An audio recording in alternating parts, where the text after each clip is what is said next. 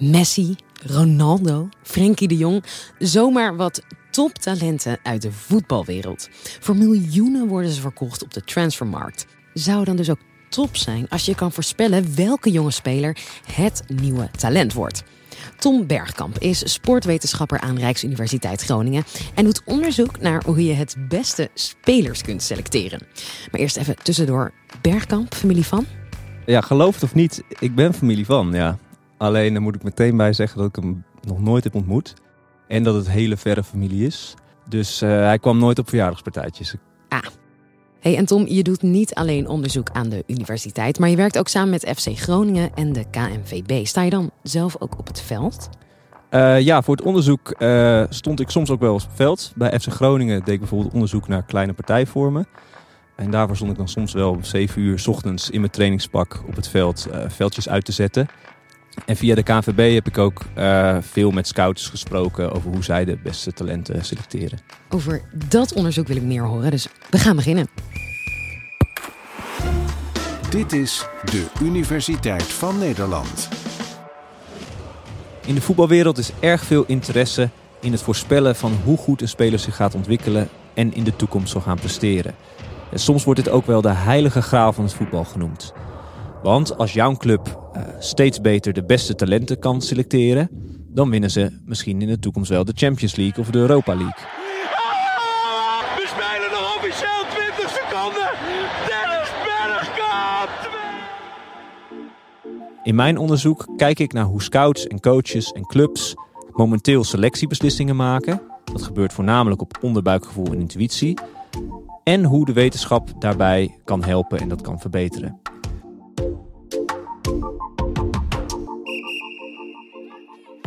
We beginnen even bij de basis, want selectiebeslissingen gaan eigenlijk altijd gepaard met een prestatievoorspelling. Of het nou gaat om het selecteren van talenten voor de jeugdopleiding van een professionele voetbalclub, of het selecteren van de opstelling voor de wedstrijden van volgende week. Coaches of scouts die maken eigenlijk altijd een voorspelling van hoe die spelers gaan presteren in de toekomst. De sportwetenschap ja, die heeft de afgelopen 20 jaar dus veel onderzoek gedaan naar hoe zij prestatievoorspellingen uh, kunnen maken en hoe zij voor sporters ook prestatievoorspellingen kunnen verbeteren. En de sportwetenschap dacht, als wij nou het beste talent willen ontdekken, dan kunnen we sporters eigenlijk het beste opknippen in verschillende componenten. Denk aan bijvoorbeeld een mentale component, een fysieke component, uh, technische component in het voetbal. En dan meten we de sporter met verschillende testen op al die componenten. Dus het fysieke component werd bijvoorbeeld gemeten met een sprinttest, waarbij een sporter 10 of 30 meter moest sprinten. Of met een uithoudingsvermogenstest, de piepjestest die je misschien nog wel kent van je middelbare school. Waarbij je een bepaalde afstand moet lopen voordat het volgende piepje klinkt. En de piepjes die klinken steeds korter naar elkaar. Nou, met die testen kan je dus bepaalde vaardigheden meten. En de sportwetenschap dacht, als we sporter op die verschillende componenten meten en een sporter scoort hoog op al die eigenschappen, nou, dan moeten we ook het beste talent hebben. Uit de afgelopen 20 jaar onderzoek blijkt eigenlijk dat die manier van voorspellen niet zo goed werkt. Dat heeft verschillende redenen. Allereerst dat wanneer we voorspellingen proberen te maken voor jeugdspelers, dan duurt dat vaak een hele poos om te kijken of die voorspelling ook correct is. We maken vaak voorspellingen voor de lange termijn, want we willen weten of jeugdspelers nou ja, bijvoorbeeld in de toekomst het eerste elftal van een professionele club kunnen halen. Nou, op het moment dat die testen worden afgenomen en het moment dat die speler in het eerste elftal speelt of niet speelt, daartussen kan er nog van alles gebeuren met die speler. De vaardigheden die dus ook gemeten worden, die ontwikkelen zich ook vaak heel grillig. Waarbij je ziet dat spelers op jonge leeftijd bijvoorbeeld ten opzichte van hun teamgenoten heel snel zijn, maar een paar jaar later, na de puberteit, zijn ze misschien niet meer de snelste. Daarnaast zie je ook dat die testen eigenlijk geïsoleerde testen zijn. Ze nemen niet de wedstrijdcontext mee. De geïsoleerde test kan wel wat zeggen over hoe een speler in de wedstrijd speelt, maar zegt zeker niet alles. Bijvoorbeeld een speler die je meet op een sprinttest, die kan misschien heel hard lopen en heel hard sprinten, maar het zegt niet hoe hij sprint in een wedstrijd. Daarbij moet je ook kijken of hij op het juiste moment sprint, of hij bijvoorbeeld sterk genoeg is om zijn medespeler te passeren in een sprint. Dus die geïsoleerde sprinttests, waarin die andere contextuele factoren niet meegenomen worden, die zegt eigenlijk vaak niet voldoende. Ik ben in mijn onderzoek gaan kijken, kunnen we nou prestaties proberen te voorspellen in een situatie waarin we een speler wel in die context meten. Die lijkt op een echte wedstrijd, waarbij we tegenstanders hebben, taak om te scoren en waarbij we dus die componenten niet apart knippen, maar die interactie tussen die verschillende factoren meenemen. Ik heb onder andere een onderzoek gedaan met 7 tegen 7 uh, wedstrijdjes met keepers. En dit is een uh, partijvorm die al veel bij clubs wordt gedaan uh, in de trainingen. En ik heb gekeken hoe prestaties in die kleine partijvormen zich relateren tot prestaties in echte 11 tegen 11 wedstrijden. Daarvoor heb ik een heleboel kleine partijen opgezet en afgenomen en gefilmd. En daarna die beelden geanalyseerd. Net als mijn voorgangers keek ik ook naar bijvoorbeeld hoeveel pases voortkwamen en dribbles er in die partijen waren. Alleen ik deed dat dus niet in een geïsoleerde test, maar in die wedstrijden. Ik keek bijvoorbeeld naar hoeveel pases uh, speler A had afgenomen en hoe vaak die paas dan ook aankwam en ja, de succesvolheid van die pases. Dit deed ik ook voor de 11 tegen 11 wedstrijden. Die heb ik ook op die manier geanalyseerd. En tenslotte hebben we ook nog een aantal van die traditionele testen afgenomen. Bijvoorbeeld een uithoudingsvermogenstest en een sprinttest. En uiteindelijk heb ik gekeken hoe de scores van speler A zich verhielden tot de scores in die 11 tegen 11 wedstrijden. En hoe de prestatie op die geïsoleerde testen zich verhield tot prestatie in die 11 tegen 11 wedstrijden. En daarbij zagen we dat die prestaties in die 7 tegen 7 partijen eigenlijk een veel betere voorspeller zijn voor die prestaties in 11 tegen 11 wedstrijden dan prestaties op die geïsoleerde testen. Ik denk dat ook het subjectieve oordeel, het oog van de meester, nog steeds een hele belangrijke uh, plaats in zal nemen in het uh, selectieproces. Zeker omdat nu die data voor jeugdspelers nog helemaal niet beschikbaar is. We zien bij die coaches en scouts dat zij dat vaak nog doen op hun onderbuikgevoel of hun intuïtie en daarbij ook nog niet zo goed kunnen beschrijven waar zij op letten.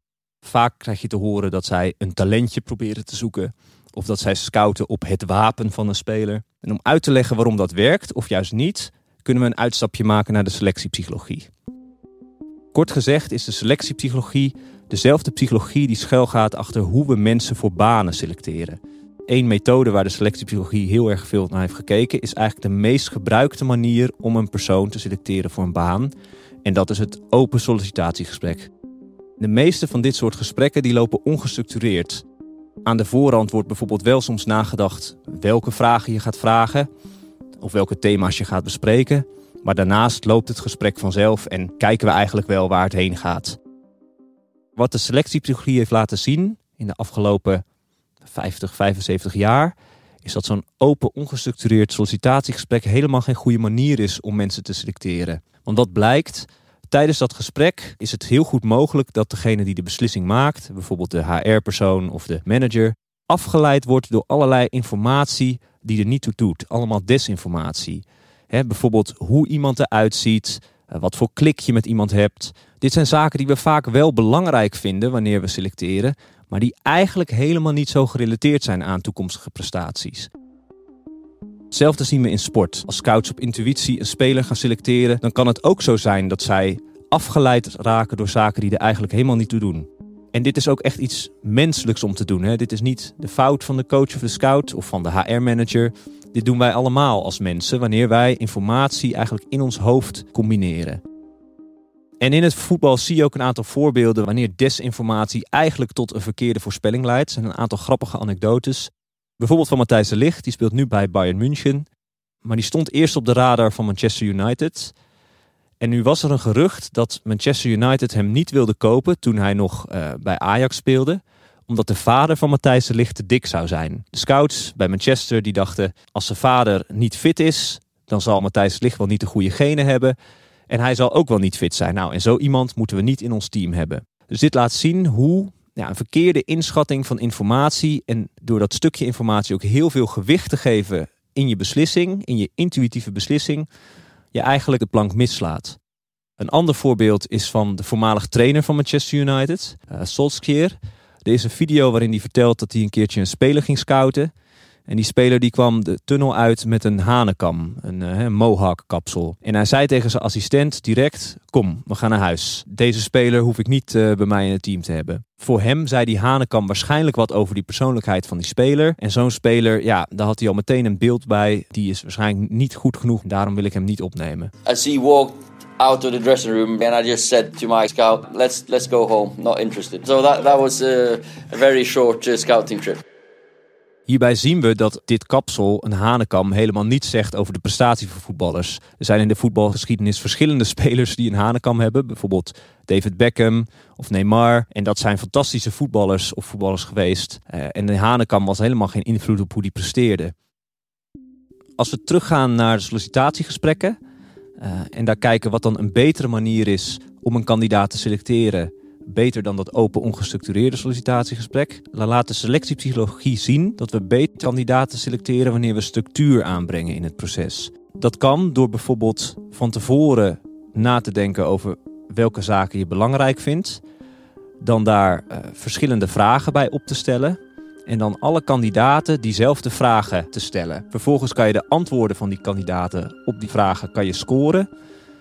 En die scores die kan je samenvoegen in een beslisregel. En dat klinkt wat ingewikkeld, maar het hoeft helemaal niet moeilijk te zijn. Je kan bijvoorbeeld het gemiddelde nemen of de somscore van die scores. In ieder geval neem je op een consistente manier die scores op die vragen samen.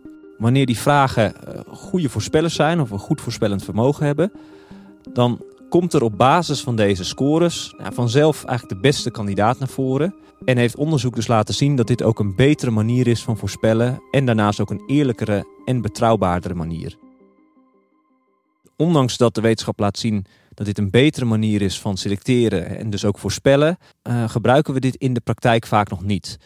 En dat komt eigenlijk omdat deze gestructureerde manier van selecteren ja, ook wat kouder aanvoelt. Op deze manier besteed je dus niet zoveel aandacht aan het vormen van een klik met een uh, persoon. Nou, we willen graag een, een, een klik vormen met die persoon en we vinden daarom die gestructureerde manier van selecteren niet leuk. In andere woorden, we laten eigenlijk een stukje autonomie los. De gestructureerde manier van beoordelen die kan dus ook helpen in de sport. Dus als we teruggaan naar coach en scouts die spelers beoordelen en voorspellen.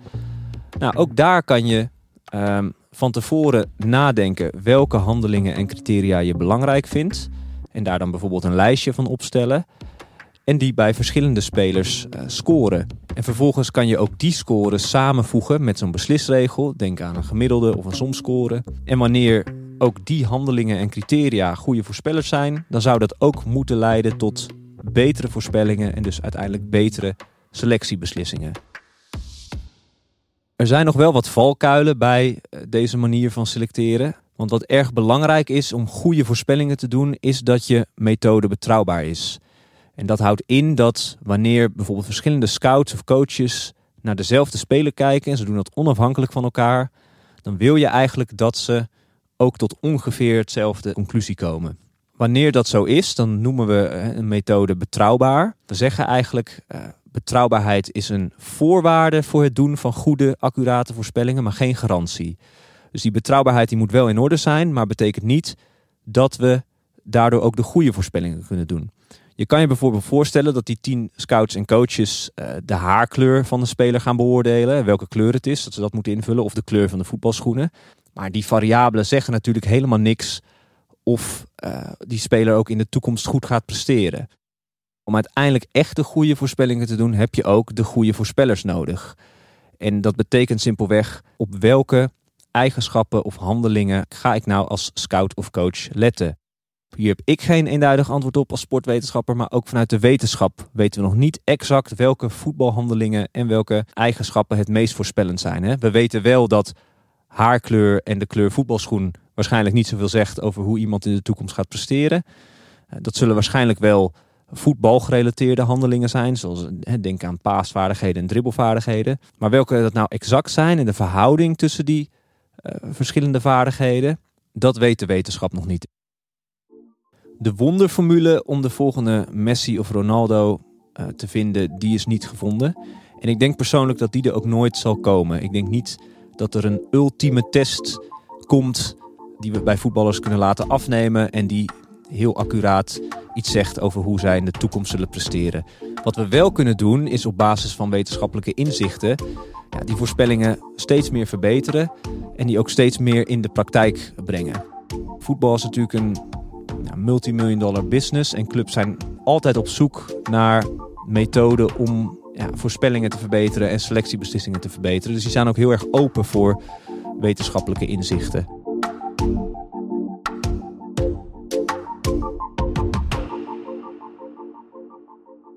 Ik blijf nog even dromen van die wonderformule. Want wat zou het toch zijn als ik als enige kon bepalen welke speler een superster wordt?